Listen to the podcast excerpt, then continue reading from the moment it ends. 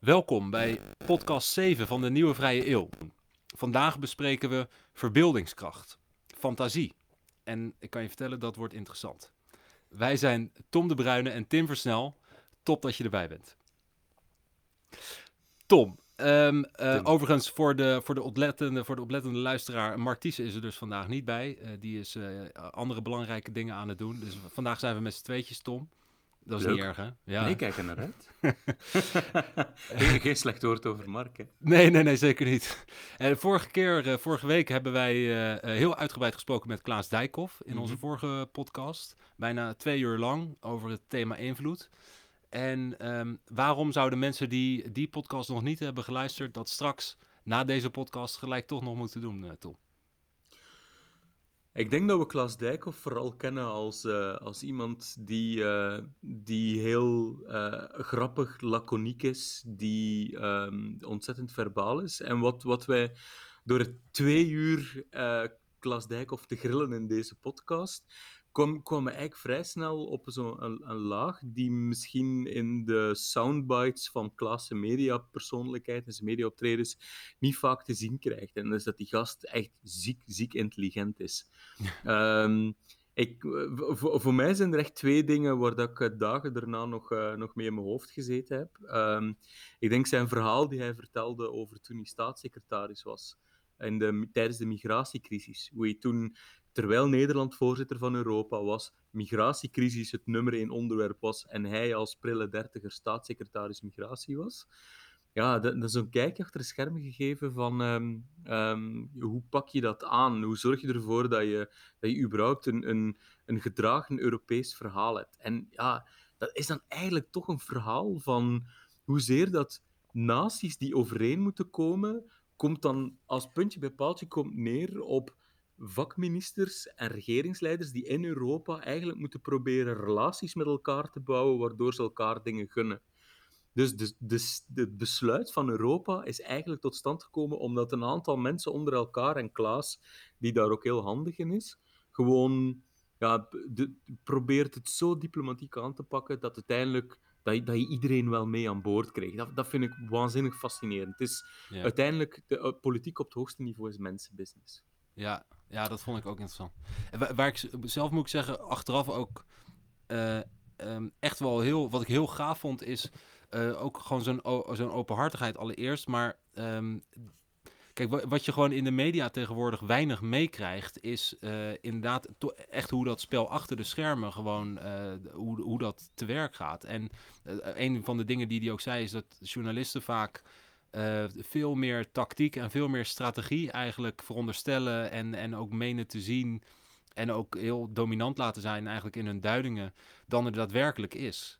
Het precies wat je zegt, inderdaad heel erg mensenwerk en heel erg toch ook gewoon op intuïtie en op persoonlijke relaties. Ja. En een, een ander aspect, zon- zonder eigenlijk dan de hele, het hele interview te willen al, al verklappen, want luister hem echt integraal. Eh, het, is, het is absoluut een, een heel fijn gesprek. Maar er was een ander aspect, eh, we hebben het er al vaker over gehad, we zijn heel gefascineerd door mentale modellen. Ehm, mentale modellen als zijnde ja, letterlijk intellectuele tools die je gebruikt om, om ermee naar de wereld te kijken. En Um, of om tot, eigenlijk om tot betere beslissingen te komen. En, en een van de dingen die hij zei, is, ben ik echt de, de week daarna ook echt meteen zelf mee aan de slag gegaan. Uh, en dat was dat ding van proberen altijd op zoek te gaan van wat is het, het, het nummer één en of het enige principe, het eerste principe waarop je handelt. Dus hij gaf het voorbeeld, zegt hij van heel mijn, um, mijn beleid als staatssecretaris voor migratie is uiteindelijk gelukt omdat ik gewoon op één KPI stuurde. Namelijk, ik moet ervoor kunnen zorgen dat ik slaapplekken krijg voor mensen. Zolang ik slaapplekken kan regelen, is, uh, uh, gaat, gaat, gaat de bom niet barsten. En bij corona is hetzelfde. Er is gewoon één criterium en dat is de IC-capaciteit. En alle beleid is afgeleid op het kunnen ervoor zorgen dat, dat, dat het aantal um, zware besmettingen niet de IC-capaciteit overstijgt.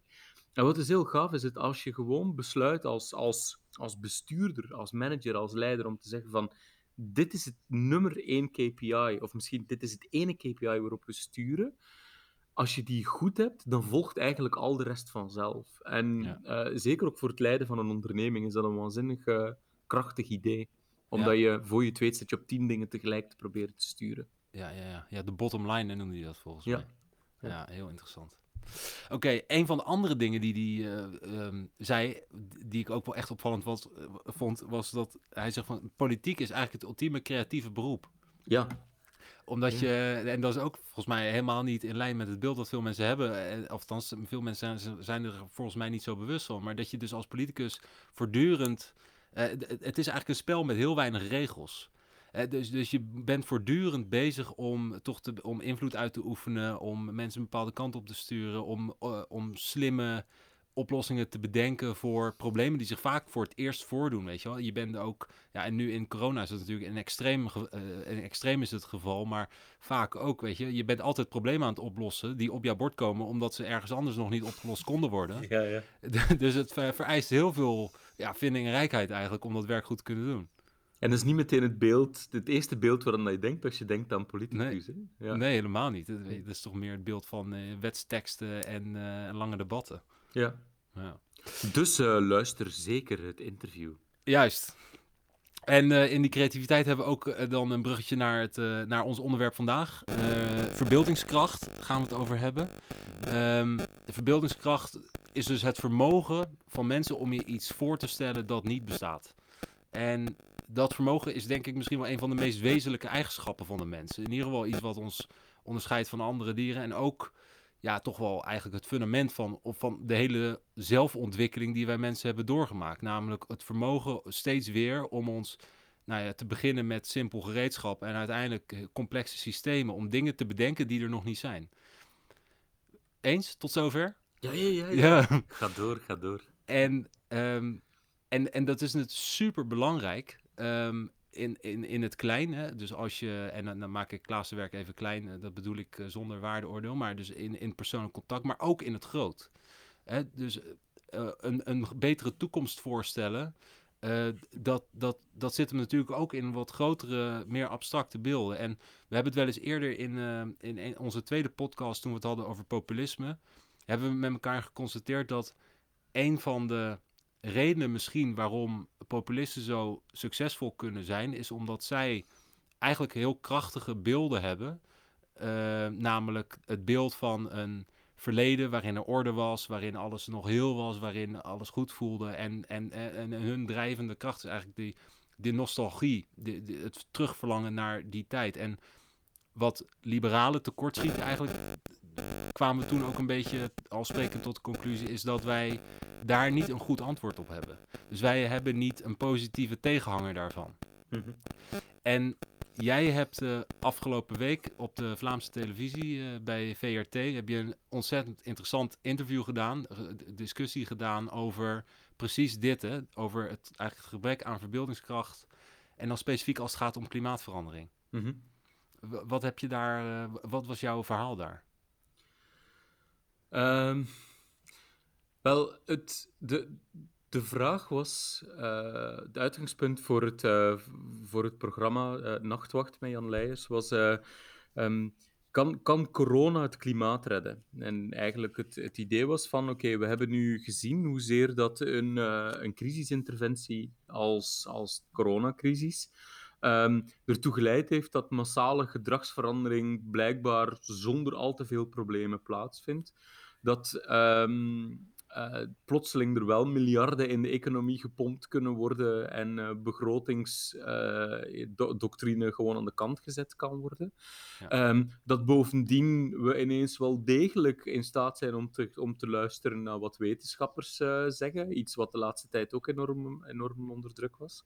En dus de vraag was van, is het een hoopgevend signaal? En dat was een, eigenlijk, ik werd uitgenodigd omdat ik een, een aantal maanden geleden had ik een, een, essay geschreven, de klimaatshockdoctrine, waarin het, het argument in het essay was dat, eh, dat alleen ehm, dat, dat eigenlijk de, de wereld eh, pas bereid is tot, tot verandering wanneer er een shock optreedt. En m- meestal is dat bovendien ook de goede. Dus het, eh, het boek De Shockdoctrine van Naomi Klein is eigenlijk een streamende aankracht tegen het feit dat, ehm, dat, dat neoliberale... ah, ik weet dat Mark heel gek zou worden als ik het woord neoliberaal gebruik, maar bo, nee, vrije marktfundamentalisten ehm, hebben eigenlijk de voorbije 20, 30 jaar telkens als er een soort paniek- of shockmoment was, dat moment aangegrepen om een grip op de economie en de maatschappij nog te vergroten. Dus 9-11 was het ultieme moment voor de, voor de haviken in Amerika om om, om eigenlijk een totale surveillance staat te creëren, om, om, om die oorlog in het Midden-Oosten te starten, was al jaren op verlekkerd zaten, um, om vrijheden terug te schroeven. Dus telkens als een shock optreedt, wordt van de, warring verbruik, uh, van de verwarring gebruik gemaakt om ons, uh, om ons te naaien.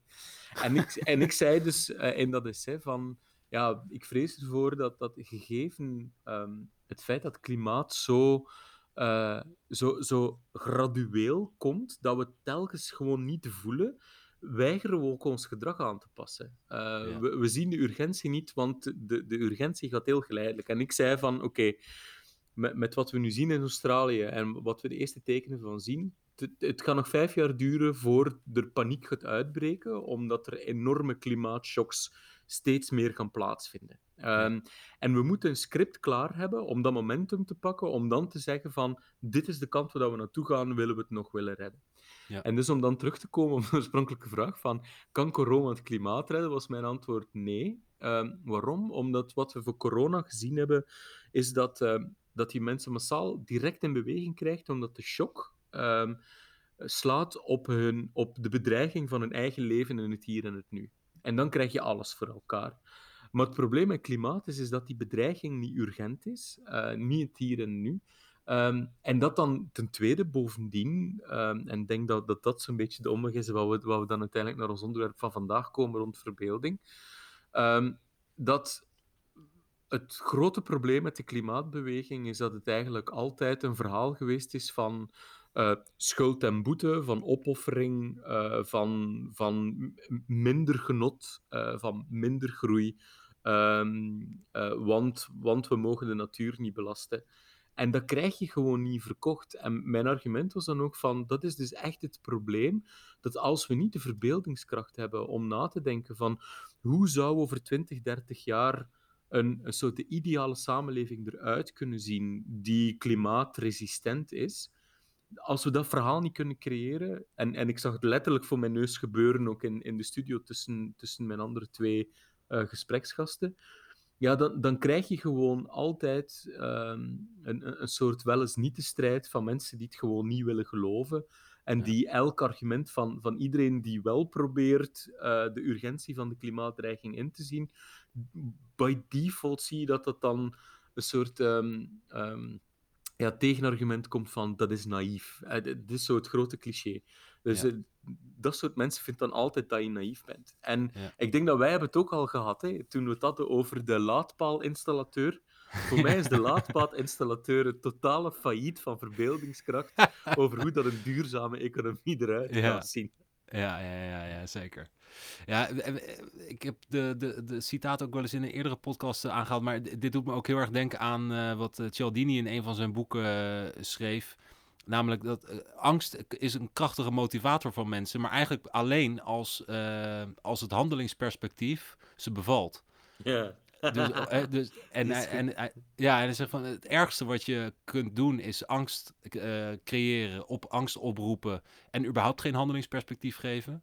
Ja. Uh, want dan blokken mensen het gewoon uit. en, en daarop heeft hij Roosevelt geparafraseerd en hij schreef op: We have nothing to fear but fear by itself. In plaats van but fear itself. En, um, en ik denk ook dat dat dat, dat, dat, speelt volgens mij heel, heel erg ook. Hè? Dus dat um, als, als, je, als mensen moeten erkennen dat inderdaad de klimaatverandering dat, dat die zich voltrekt en dat we er wat aan zouden moeten doen, dan, ga, dan verbindt men daar pas gedrag aan op het moment dat, uh, dat dat wat je eraan kan doen ook aantrekkelijk is. Dus ja. op het moment dat, dat je het gevoel hebt dat dat je leven ook dan ook echt beter maakt. Ja, ja absoluut. Pas dan is het een krachtige motivator. Absoluut. En dus het grote framingprobleem is, is dat we moeten het doen voor het milieu. Dat is eigenlijk vandaag. Terwijl dat het verhaal zou moeten zijn, we moeten dit doen omdat, omdat het eigenlijk een soort samenleving is die, waar je echt zou, zou ultiem graag in willen wonen. En, ja. En ik denk dat we, dat we dus echt totaal die verbeelding kwijtgeraakt zijn van welk soort samenleving willen we eigenlijk. En ja, I- je, je moet ook wel toegeven dat ehm, alle grote pogingen in het verleden om een soort samenlevingsutopie te creëren, zijn uiteindelijk in massale slachtpartijen geëindigd. het communisme, het fascisme, eh, Ja, een, een, een soort eh, ultieme islamstaat. Eh, Alle utopieën eindigen in geweld, omdat Ja. je per se eh, heel veel geweld moet aan de dag leggen om het einddoel te bereiken. Ehm, dus, en, en, en de tegenganger daarvan, eigenlijk de open, vrije, liberale samenleving waar dat we nu in zitten, naar mijn gevoel is die zodanig gekaapt door, ehm, door allerlei krachten die ons gewoon constant he- helpen herinneren dat we in het hier en het nu moeten leven en in het hier en het nu moeten genieten en consumeren, dat we gewoon op een of andere manier afgeleerd zijn om nog na te denken over de toekomst en over, ja. over, een, over een collectieve toekomst. Misschien wel over je eigen toekomst, maar dat gaat dan over ik wil in een mobiloom rijden door heel Europa als ik, eh, als, als ik 60 ben. Eh, Ja. Sorry, een camper. En, ehm, eh, eh, maar, maar een soort dromen over een, een collectieve toekomst van hoe gaan we onze samenleving samen inrichten, Ja. dat, dat verhaal is weggehept. Eh, Ja. Jij maakte daar, daar in, in, toen we er gesprek over hadden, een heel leuk punt over. Hè? Ja, ja, ja. Ja, dat is toen, toen die coronacrisis net uitbrak. ehm, toen ging, sloeg iedereen aan het hamsteren. En eh, ik moet eh, hier eerlijk toegeven dat ik, eh, dat ik er daar één van was. Ja. En Sterker nog, ik was net wat eerder dan de rest. Want eh, de Dus- schappen waren nog vol. dus je had nog wc-papier. Ik had je zeker weten, ja. En ik heb heel veel ingeblikt, ingeblikt voer, ja, waar, waar ik nu weer, eh, waar ik, wat ik eigenlijk helemaal niet wil eten, maar dat moet ik nu toch gaan doen, want anders is het op een gegeven moment bedorven.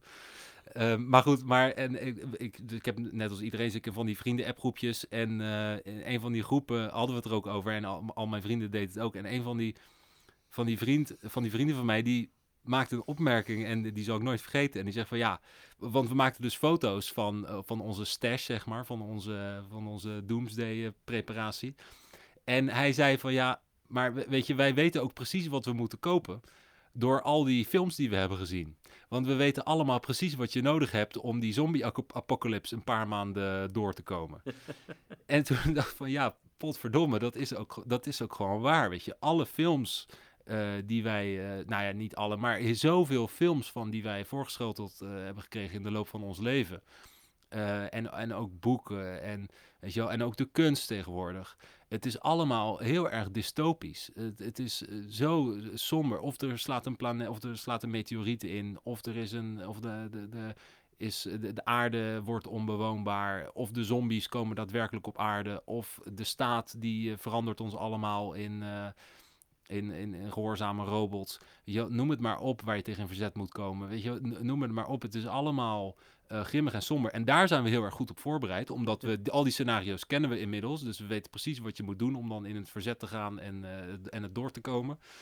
Maar we hebben geen idee hoe een, eh, ja, een, een, hoe, hoe de, een positieve toekomst eruit zou kunnen zien. Weet je, daar hebben we geen, geen levendige fantasieën bij. Daar hebben we geen beeld bij Nee. van een toekomst waarin we- nou ja, weet je wel, een, een lekker leven hebben in harmonie met de natuur en dat dat gewoon allemaal is gelukt. Ja. En, ja, en waarom niet? Weet je wel, dat is, dat, is, dat is denk ik wel exemplarisch ook voor wat jij zegt. Dat we ergens gewoon in de afgelopen eh, 30, 40 jaar zijn gestopt met eh, ja, optimistisch fantaseren eigenlijk. En, en, en ook in beelden. Het- is met, met die introductie van, van dat cyberpunk-genre helemaal eh, zo, eh, wa- wat denk ik een beetje met 1984 is begonnen en met de Matrix natuurlijk als, eh, als een van de hoogtepunten. Het, zit, wat er wordt geproduceerd, ook vanuit kunst, vanuit cultuur, is, is allemaal vrij somber. Ja, ja de, de, laatste eigenlijk utopie dateert van het begin jaren negentig, omdat je verwijst naar cyberpunk. Eh, er, is- er is, eh, mijn favoriete documentaire ooit is de documentaire ehm, Hypernormalization van Adam Curtis van de BBC. Heb jij hem ooit gezien?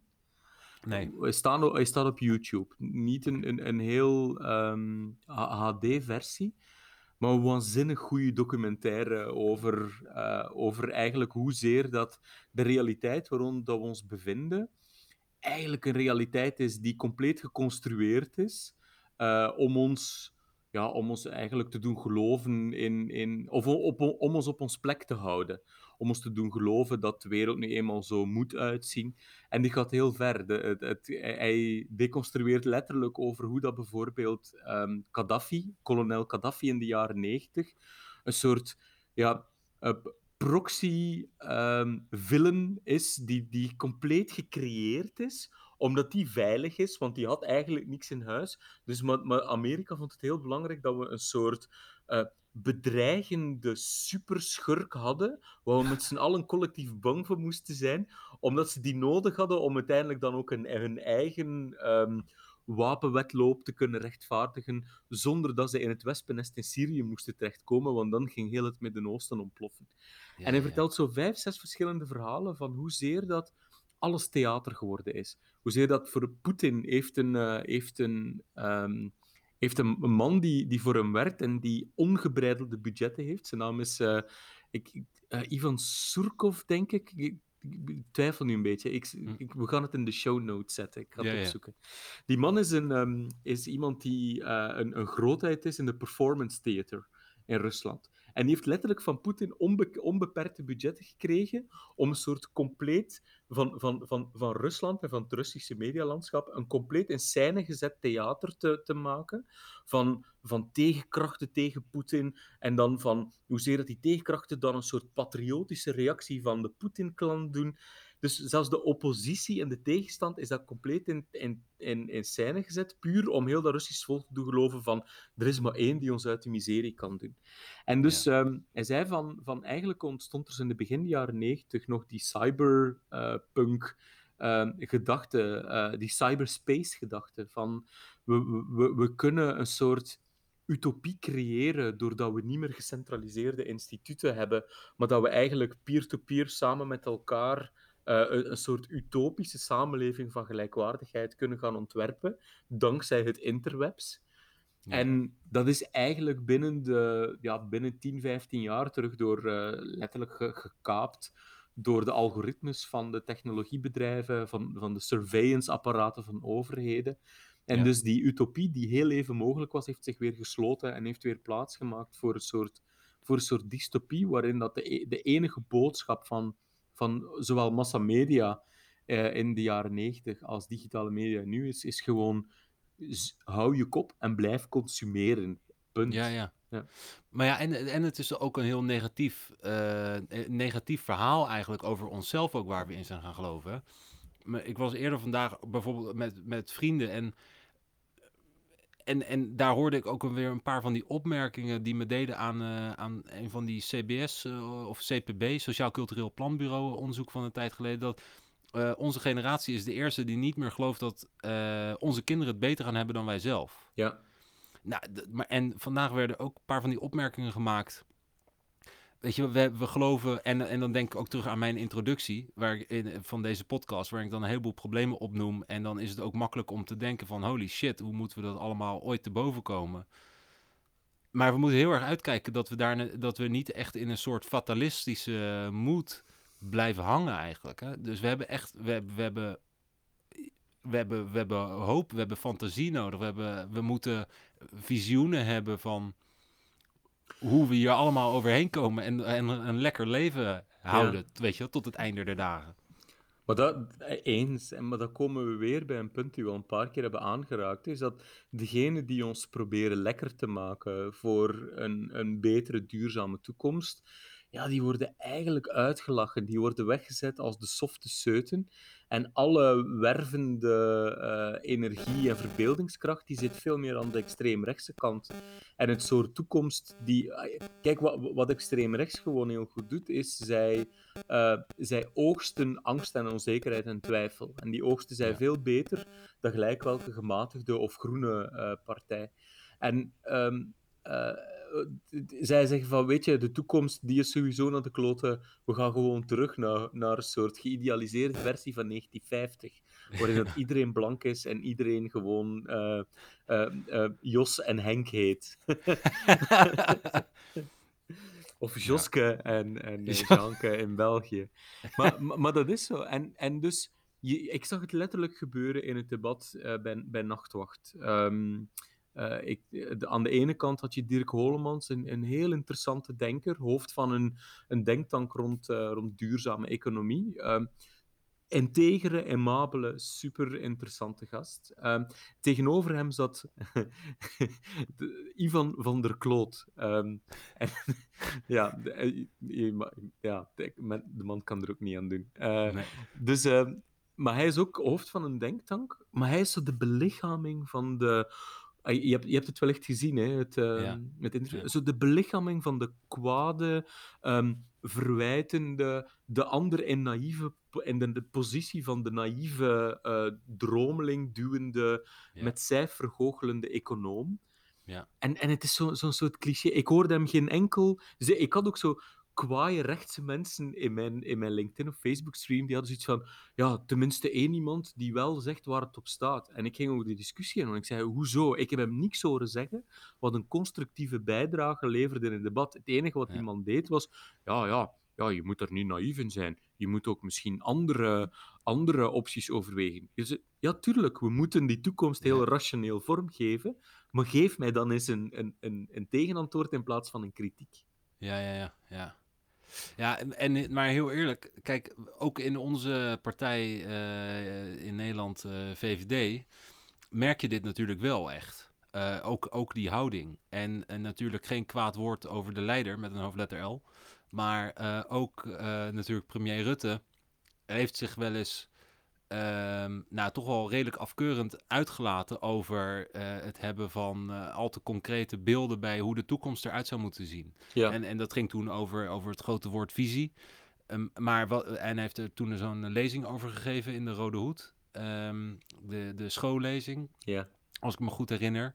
En waarin hij zei van dat als liberaal uh, alles in hem zich er tegen verzet om al te al te specifiek uh, naar een bepaald toekomstbeeld toe te willen sturen. Omdat hij zegt van ja, als politiek moet je dat niet doen. Uh, want uh, uiteindelijk geeft de maatschappij, geeft de samenleving gewoon in al zijn toevalligheid en in alle spontane ontwikkeling, geeft die toekomst vorm. Ja. En, de, de, dus, en kijk, en daar heeft hij natuurlijk in zekere zin uh, heeft hij ook wel gelijk. Dat we nu niet precies weten wat voor technologie er wordt uitgevonden en, en wat er allemaal gebeurt. Kijk, dat we nu in deze coronacrisis zitten, dat dat ook vier maanden geleden nooit iemand bedacht. Dus natuurlijk is het zo dat, dat gebeurtenissen en toevalligheid heel veel bepaalt. Maar ik denk zeker gewoon, gewoon alles wat we nu ook zo zeg maar aan snee hebben, om het dan even in het Ruttiaans te zeggen, overziende is het toch wel heel belangrijk dat we, ook omdat dus een deel van dat verhaal bewust wordt vormgegeven, het verhaal van waar we in geloven, door actieve tegenkrachten, door, door populisme, door, door dus inderdaad mensen die, die misschien niet het beste met ons voor hebben, dat we daar iets eigens tegenover weten te zetten. Ja. Iets positiefs. Nou, het is eigenlijk Zullen we eens een poging wagen? Ja. Um, kijk, er, er, zijn twee vragen, denk ik, um, wat, wat, we al, uh, wat we nu heel het gesprek omheen aan het cirkelen zijn. Namelijk, één, hoe ziet, hoe ziet dan die toekomst over 30 jaar eruit? Hoe ziet die samenleving eruit? Ja. En, en twee is, wat, waar, wat moeten we doen? Uh, wat moeten we op sturen? Um, ja. Begin eens. wat, hoe, hoe, hoe ziet die eruit? Nou ja, kijk, wat ik hoop uh, laat, laat ik gewoon zeg maar dan vanuit mijn eigen, vanuit mijn eigen hartje fantaseren. Kijk, ik zie dat we nu in onze maatschappij uh, elkaar behoorlijk aan het, uh, aan het gek draaien zijn. Mm -hmm. uh, en zeker in steden zoals Rotterdam en in andere zeg maar, grootstedelijke gebieden zie je dat heel erg. Uh, en dat zien we uh, interessant genoeg, uh, juist ook goed door, doordat we even zijn stilgevallen door die coronacrisis. Gewoon het, het gejaag van hop naar her, ongelooflijk veel consumeren. Um, wat je, kijk, ik, ik heb de afgelopen maand 600 euro minder uitgegeven dan, dan in een normale maand. En ik heb eigenlijk, ja, ik bedoel, ik ben minder uit de deur geweest, maar ik heb materieel heb ik echt niks gemist. Nee. Weet je wel? Dus ik, ik koop normaal gesproken echt heel veel dingen uh, die mij geen meer uh, geluk geven. Dus, dus wat ik wat ik, dat is dus één, één specifiek ding waarvan ik denk van het zou wel echt mooi zijn dat we als we eh, groei en welvaart minder zouden gaan definiëren in termen van wat je allemaal kunt kopen en wat je, wat je consumeert. Ja. En daarnaast ook ehm, gewoon het, en, en dat hangt ook er ook sterk mee samen, het meer in de, in de natuur zijn. Ehm, veel mensen maken nu gewoon in hun eigen woonomgeving wandelingen, omdat ze, ze, ze, verliezen geen reistijd meer en ze moeten toch een beetje bewegen. Dus ja, je gaat wandelen. En je ziet, ehm, dus, en je zoekt dan de natuur op, want dat is fijn om doorheen te wandelen. En, um, en wat ik dus heb, je hebt hier van die, van die meerkoeten in de singles en ook van die, uh, van die uitheemse uh, ja, ik weet niet precies wat voor dieren het zijn, maar het zijn ook van die, van die vogelachtige. Het, het zijn net wat groter dan een eend en wat kleiner dan een zwaan. En ze zijn heel erg, ze hebben heel veel kleurtjes. Mooie dieren. Maar, en, maar op een gegeven moment, eh, want je loopt elke dag loop je langs hetzelfde groepje. En, en dus je gaat ze herkennen en je volgt dat gezin een beetje. En uh, weet je wel, en je, en je ziet ze ook in interactie met andere dieren. Zoals zo is er een meerkoetstel die uh, die, die zijn dus een nest aan het bewaken. En die grote vogels die uh, komen daar steeds dreigend bij in de buurt. En dus dat mannetjes, meer koetje, die probeert ze dan steeds weg te jagen. Ik heb het een paar keer gezien. en het, eh, dat, maar dat is, dat is fantastisch. Oh, iets wat ik op die manier nog nooit heb ervaren. Dat je een deel van het, van het leven van die natuur om je heen ineens meemaakt. Weet ja. je wel? En waar je een soort van verbinding uh, mee voelt. Ja. En ik zie dat liever dan een of andere kut tv-show, heel ja. eerlijk gezegd. Weet je wel? En ja, ik, ik, ik, ik zat eergisteren om zes uur s ochtends te vissen terwijl de zon uh, uh, opging uh, boven de polder. En, en ik, zag, ik zag zwaluwen, ik, ik zag een putter, een distelvink. Ja. En, en de, ik, ik, ben nog nooit in mijn leven bijna één gezien, dus ik, ik werd er gewoon lyrisch van. Um, dus je, je hebt absoluut gelijk. Een, een, een, wat je echter zegt, tegenstanders zouden dan argumenteren, ja maar Tim, als jij 600 euro per maand minder gaat uitgeven en alleen maar gaat, uh, gaat gelukkig worden van de natuur, dan stort de economie in. Ja, ja uh, nou dat vraag ik me af. Um, heel eerlijk gezegd. Um, kijk, wij, wij, wij, hebben zo'n... Uh, uh, en, en nu kom ik natuurlijk wel op, uh, op breekbaar ijs als, uh, als, als VVD'er. Maar, zeg maar de, de overtuiging ehm, dat we altijd maar economische groei moeten hebben. Ja. Um, dat is geen natuurwet. Dat, dat, dat is geen, geen absolute waarheid. Weet je wel, waarom zou de economie altijd door moeten groeien? Ja. Is, is het, kan het niet ook zo zijn dat we op een gegeven moment op een punt komen uh, dat je natuurlijk dat je dat er wel natuurlijk economische dynamiek is en dat je producten vervangt en uh, dat je dat er gewoon nieuwe producten op de, op de markt komen en enzovoort. Maar dat, dat de totale omvang ervan niet eindeloos moet hoeven toenemen. Dat, weet je, dat, dat is natuurlijk echt zo'n zo'n zo'n uh, zo'n stellige overtuiging die nooit meer, uh, die nooit expliciet wordt gemaakt. Maar waarom zou dat altijd moeten zijn? Nou, de, uh, ai, dat is natuurlijk een, een, Ik denk dat je daar de, het hart van, van de problematiek raakt. Is dat de huidige. Um, onze huidige idee van een samenleving is gestoeld inderdaad op het, het geloof dat alleen groei de motor kan zijn voor welvaart. Um, dat is de kritiek die je ook altijd krijgt van, van zodra dat je um, het hebt over we moeten elektrisch gaan rijden. En dan gaan al die tegenstanders daarvan zeggen van het is dankzij fossiele brandstoffen dat we juist die een enorme welvaartsexplosie gekregen hebben. Dus van, ja, ja dat klopt, maar, um, maar die heeft tegelijkertijd ook heel veel, heel veel kapot gemaakt, waar we nu steeds harder de gevolgen van zien. En er is een, een super interessante paper van, uh, je hebt hem geloof ik ook gelezen, ja. van Donella ja. Meadows. Ja, um, interessant. Zij heeft een boek geschreven, Thinking in Systems. En ja, dit is echt het, het strafste wat ik uh, de voorbije jaren gelezen heb. Het is, het is een, een, een redelijk pittig ding, omdat letterlijk um, onze geest vindt het heel moeilijk om te denken in systemen. We denken redelijk lineair en in causale relatie, als, als A B veroorzaakt nou ja, of A veroorzaakt B en, en, en dat verklaart de wereld. Terwijl dat systeemdenkers zien dingen als krachten die op elkaar ingrijpen. En um, letterlijk, systeemonderzoekers zijn er al veel langer achter gekomen dat, um, de, wat Klaas ook zei, uh, je moet één principe hebben die alles, alles bepaalt en alles stuurt.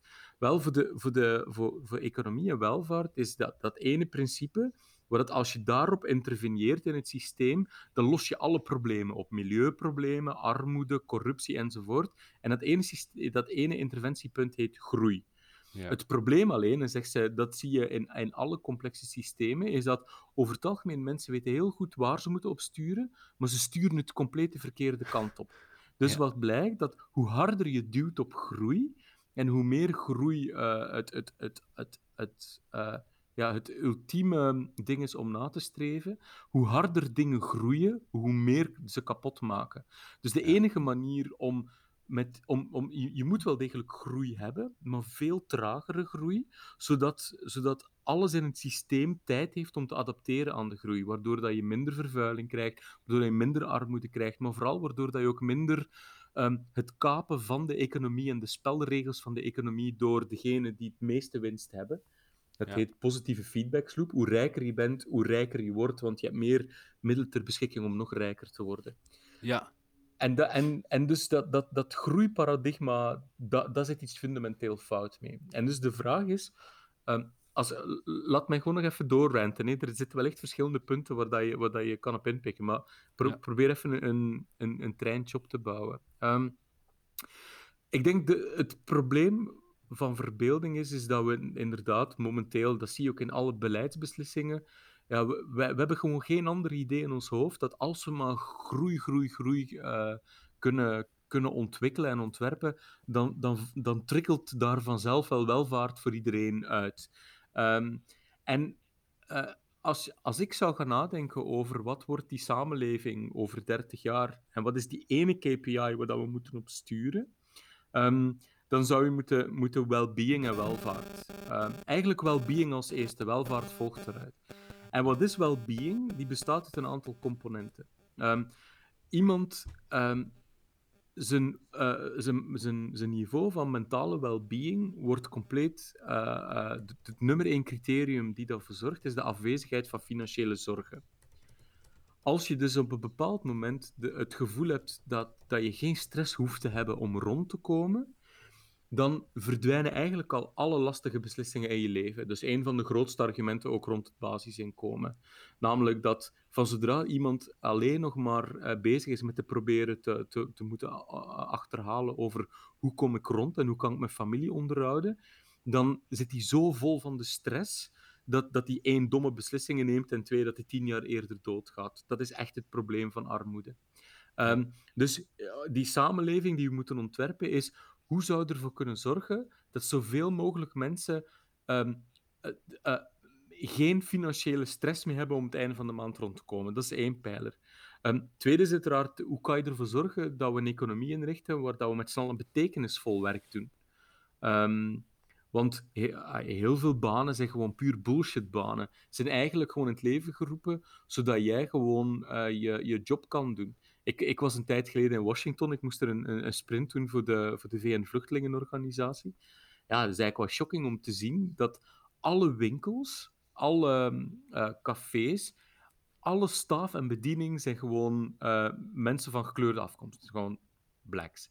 En, um, en de reden daarvoor is, is dat gewoon die mensen geen andere job krijgen dan die totaal onderbetaalde clerkjobs in, in, in winkels. Dus eh, je, je volgende vraag is, als al die, die jobs gaan, gaan um, verdwijnen door artificiële intelligentie en door robots, was, hoe zouden we jobs kunnen gaan bedenken die betekenisvol werk creëren, zodat mensen het gevoel hebben dat ze, uh, dat ze ontwikkelen, dat ze nieuwsgierigheid kunnen achteraan jagen, dat ze betekenisvol zijn voor andere mensen.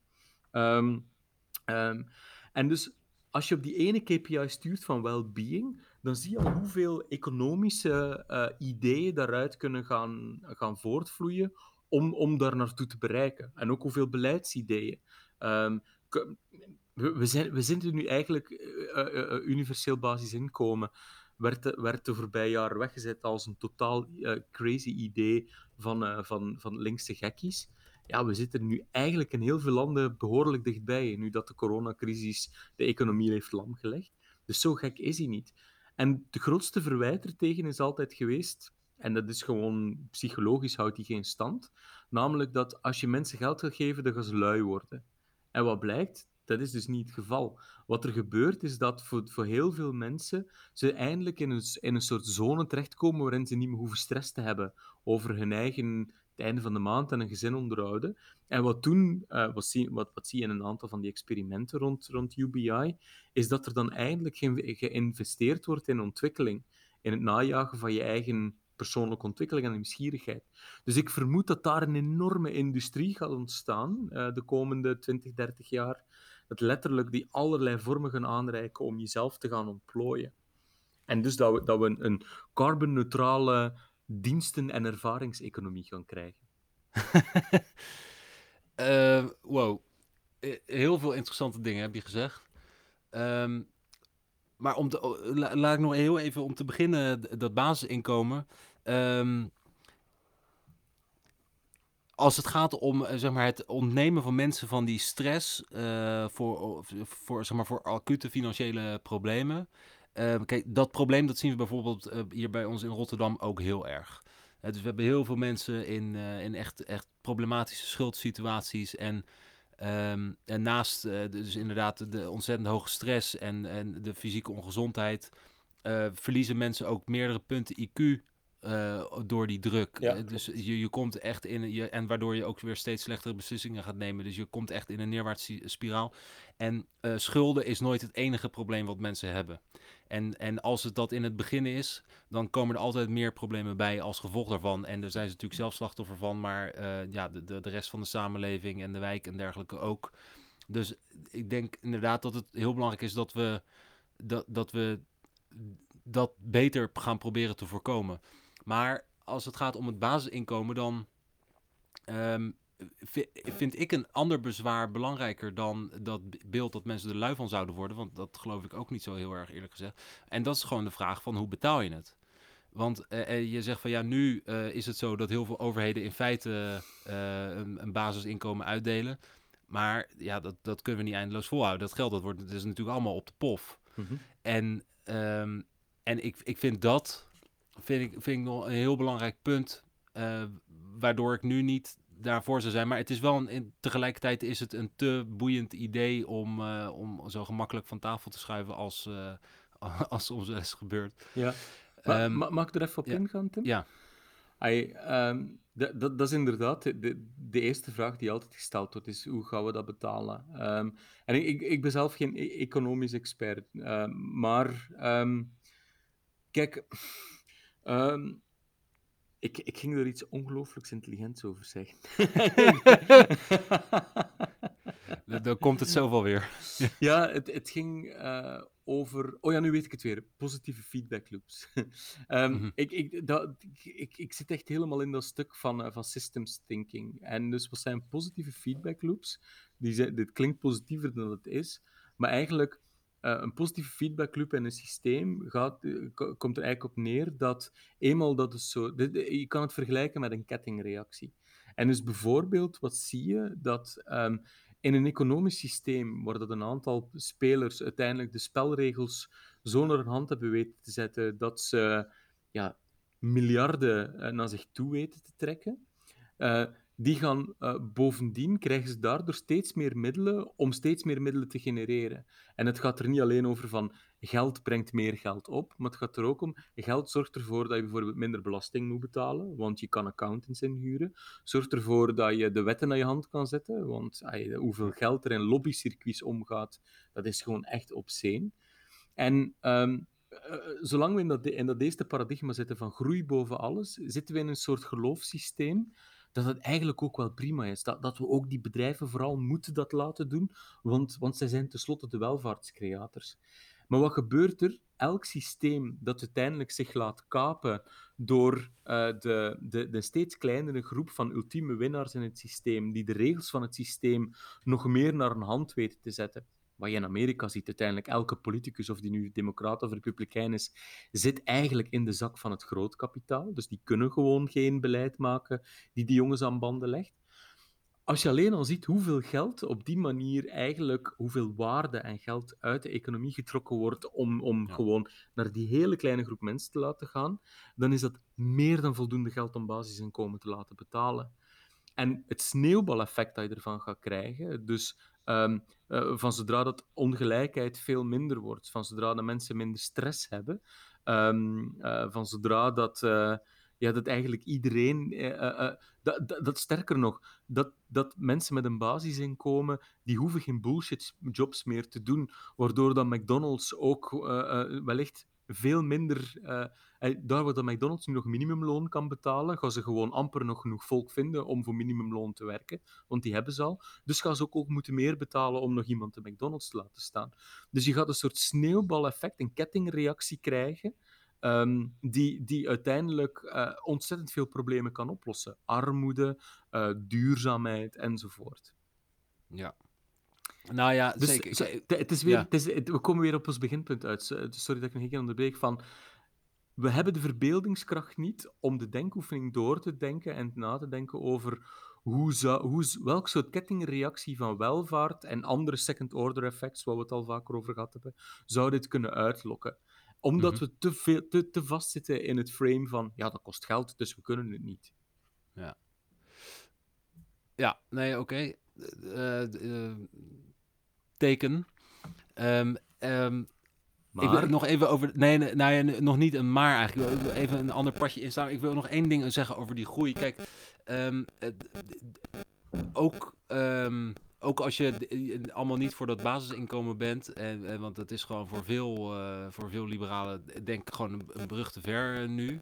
Maar wat ik denk ik wel, belang, wat ik wel echt belangrijk vind, gewoon voor eh, ons om breed, breder te erkennen, is dat die fixatie op economische groei, eh, dat die ook echt, eh, zelfs als je, er, als je die, die groei niet zou willen inzetten voor, voor dit soort dingen, ehm, echt ongezond is. Als je bijvoorbeeld kijkt naar de Nederlandse economie, is in de afgelopen tien jaar met ongeveer 100 miljard volgens mij gegroeid Mhm.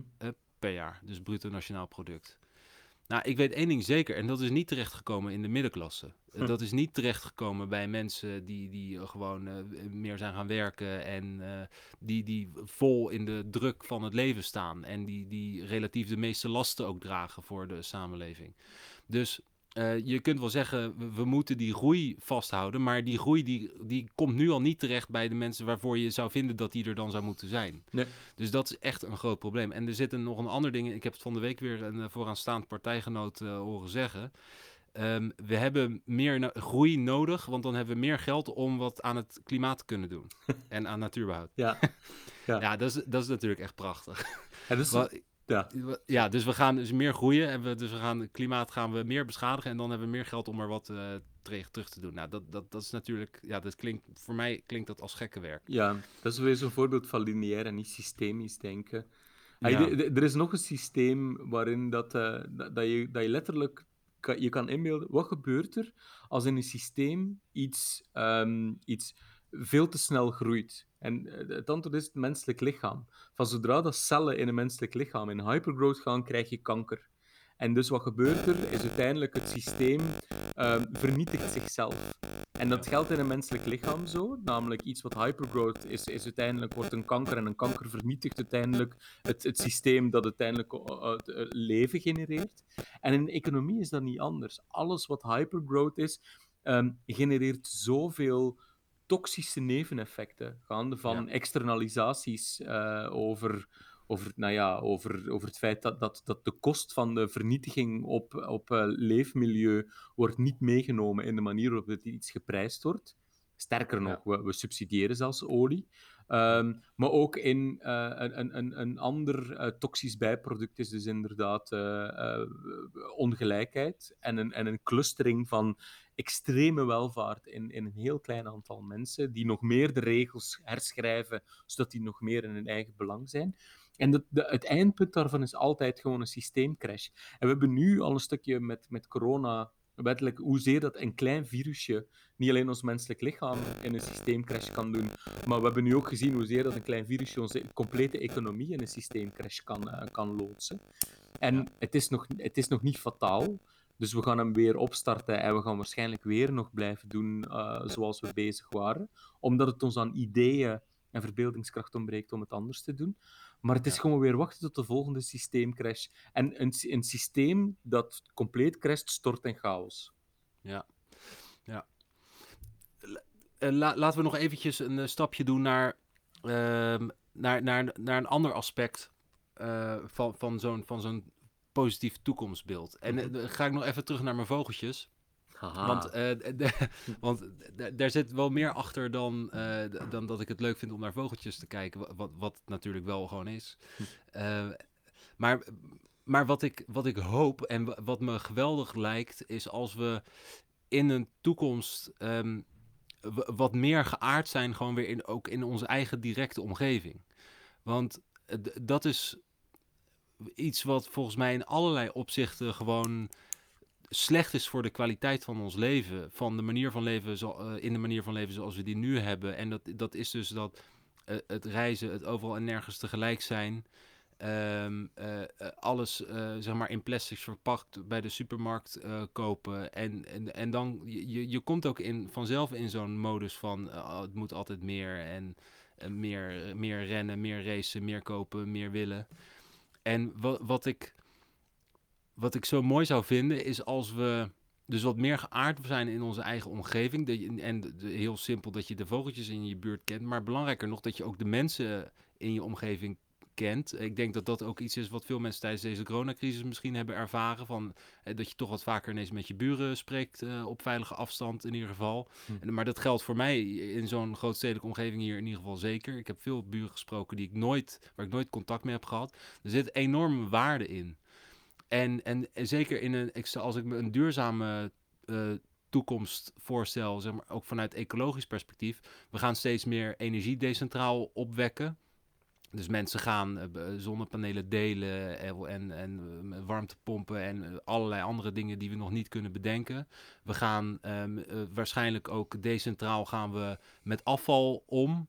We, we, gaan misschien, um, weet je wel, in wijken meer projecten gewoon samen doen. Yeah. En, en als je dus ook weer sterke gemeenschappen krijgt, Um, dan denk ik dat daardoor ook een heleboel problemen van deze tijd um, veel minder worden. En dat zit hem ook voor een deel. Kijk, die bullshit jobs. Weet je, als je gewoon sterke lokale gemeenschappen hebt die meer ding, dingen ook echt als gemeenschap doen. Dan hebben mensen daarin ook gewoon natuurlijk een rol. Ja. Uh, en, en, ze zien de mensen waarvoor ze het doen en ze kennen de mensen. En als mensen in problemen komen, of dat nou is in de jeugdzorg, weet je wel, wat nu een heel groot probleem is, omdat in grote steden met, met problematische eenoudergezinnen en zo, er gaan zoveel dingen mis. Omdat er weinig sociale controle is. Je hebt wijken waar mensen gemiddeld nooit langer dan een jaar in een huis wonen, weet je wel. Dat zijn allemaal van die enorme um, bronnen van problemen nu. Um, en ook gewoon het gevoel van, van, van, gedeelde, van gedeelde waarden en uh, gedeelde tradities. Dat zijn ook allemaal van die typische problemen van deze tijd die volgens mij Ehm, nou, in ieder geval waar ik dan van, uh, van droom, dat we die. Uh, en, en dat gaat volgens mij heel erg samen met, uh, met verduurzaming van onze manier van leven. Dat we dus ook eigenlijk die zo een veel gezondere ehm, ehm, manier van samenleven ontwikkelen. Ja. Ja. En, ja. ja. en weet je, en ook gewoon de, de, de weerstand tegen negatieve kanten van, van, van het kapitalisme zoals we dat nu hebben. Uh, kijk, ik, ik, vind het um, bizar dat. Kijk, je, je mag nu niet meer mensen producten verkopen waar, ze dood aan gaan. Uh, of, die ze, of die ze verwonden. Maar je verder mag je mensen op alle mogelijke manieren verneuken met financiële producten of met aanbiedingen die, die, die gewoon evident slecht voor zijn. Schuldenproblematiek komt daar voor een groot deel uit, omdat heel veel mensen gewoon niet goed in staat zijn om uh, die enorme berg aan manipulatieve commercie die op ze afkomt om, om die, dat te navigeren. En ik denk ook dat ons vermogen om daar weerstand tegen te bieden en om dat ook gewoon uit te filteren uh, en, of uit het systeem te drukken ook sterker wordt als we uh, sterker geworteld zijn in een gemeenschap op een plek. Ja, ja ik, er zijn twee dingen die ik erop op wil zeggen. Ik denk dat, dat daar dat, dat het ingebed zijn in een sterkere gemeenschap waarschijnlijk een van die dingen is, een van die pijlers is van, van hoe dat we ons 2030 of over 30 jaar, sorry, dus 2050, zouden moeten kunnen inbeelden. Um, twee dingen daarop. Ik denk dat de grootste marketingleugen die ons de voorbije 100 jaar verteld is, is inderdaad dat we individuen zijn. En die leugen heeft ons ervoor gezorgd dat we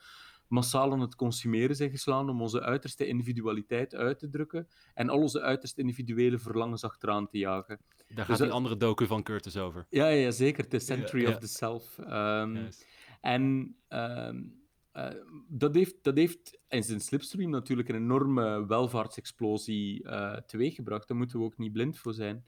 Maar het heeft als, ook weer als een toxisch neveneffect ervoor gezorgd dat we gewoon totaal losgekoppeld zijn geworden aan oké, wat is mijn rol in het grotere geheel en hoe kan ik dat toe bijdragen? Ehm, ik, ik heb ooit, uh, dat was binnen, binnen VVD, uh, is in een gesprek met, uh, hoe heet die, Halbe Zijlstra ja, zijn, zijn definitie, dus al, ik, ik, vond dat waanzinnig. Ah, ik, ik kon er totaal niet bij, maar zijn definitie als soort liberaal is van de staat moet mij niet voorzeggen wat ik mag.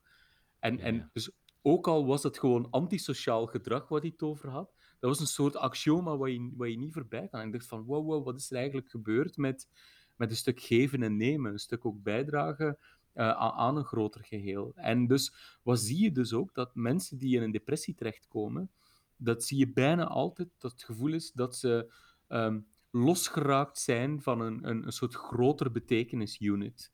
Iemand die in een depressie zit, heeft het gevoel, die zegt ook altijd letterlijk van ik doe er niet meer toe, ik ben leeg, ik, uh, ik beteken niks. En ja. onze, onze, inderdaad, onze, onze zin van, ons, de essentie van onze zinverlening, de essentie van ons geluk, bestaat erin dat we, dat we diep geworteld zijn in, in netwerken met anderen.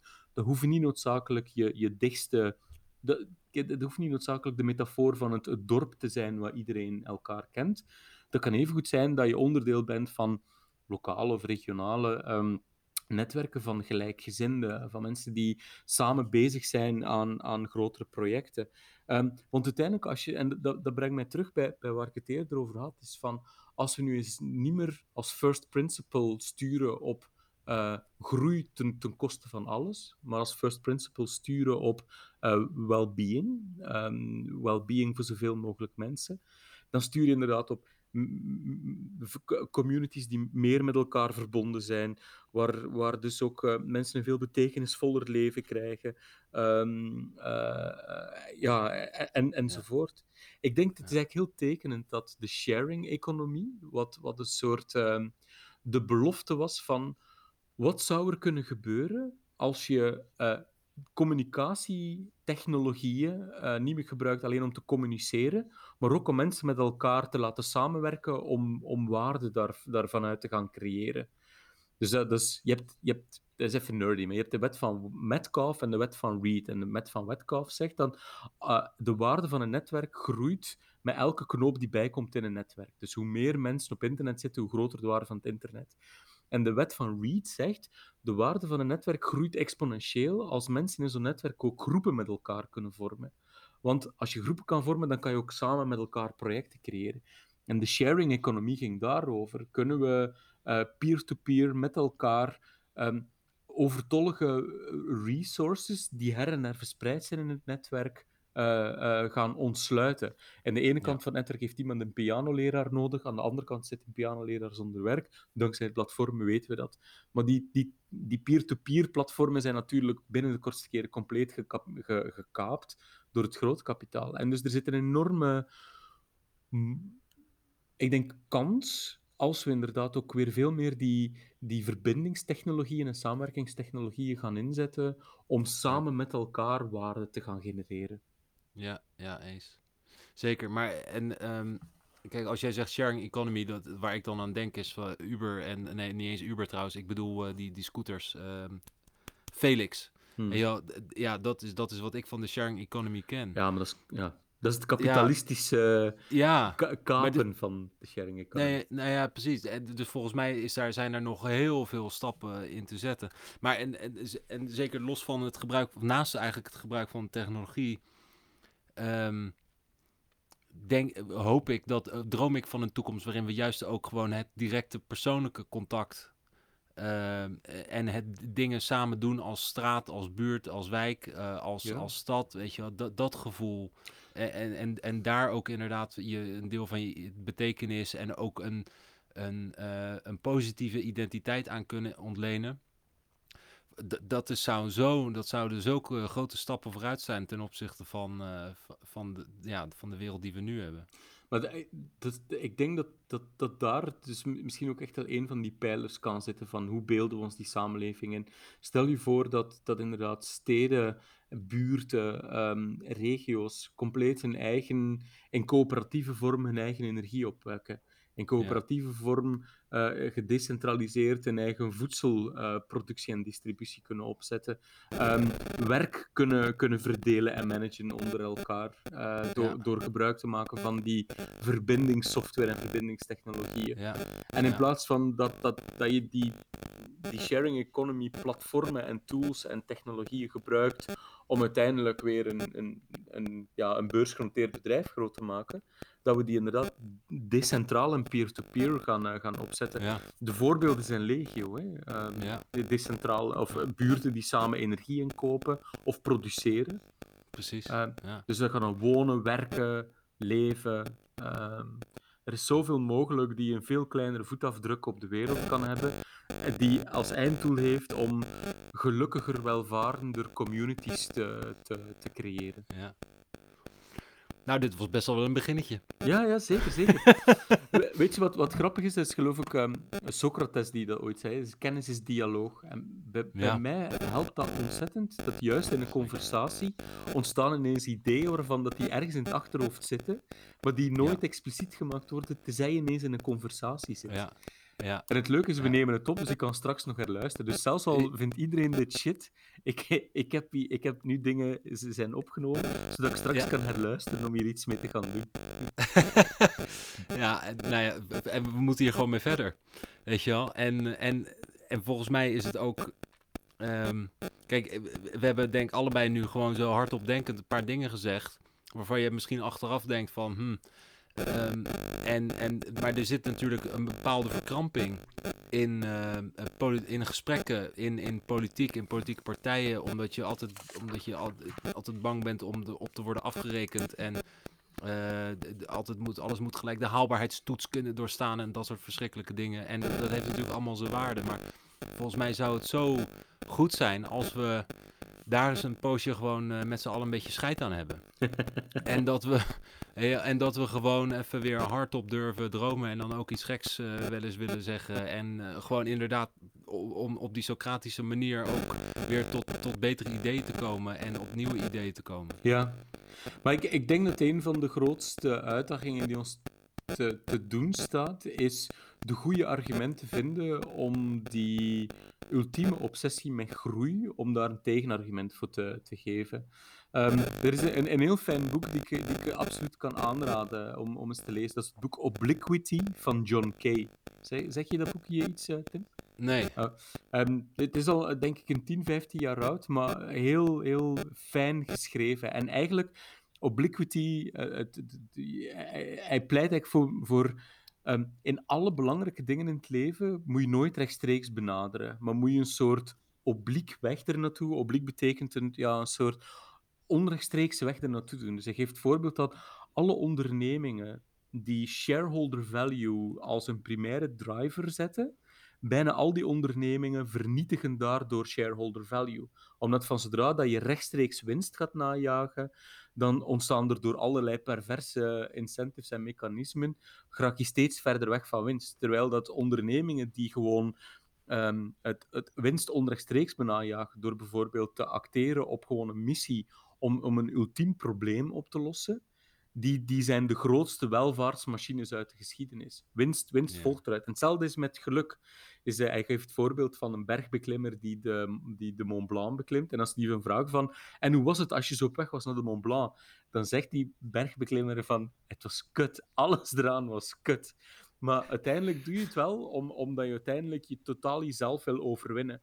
En nadien blik je terug en de, de herinnering van heel dat traject er naartoe geeft je een ongelooflijk gevoel van, ja, van, van, van welbevinden en van, van, van iets bereikt te hebben in je leven.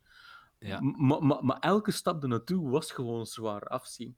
En dus hij zei van, als je rechtstreeks probeert geluk achteraan te jagen, dan ga je hem ook niet bereiken. Je moet via een omweg. Hetzelfde als uiteindelijk... eh, De, de dingen waar je plezier aan beleeft, zijn meestal dingen die eerst echt een inspanning kosten. Voor, En als je zonder de knie hebt, krijg je heel veel voldoening. En ik denk dat dat hetgene is die een soort mentaal model zou moeten zijn om ook die orthodoxie van ehm, groei aan te kaarten. Is van, misschien bereiken we groei niet door constant alleen maar groei na te jagen, maar door misschien op iets anders te sturen waar groei vanzelf uit gaat voortvloeien.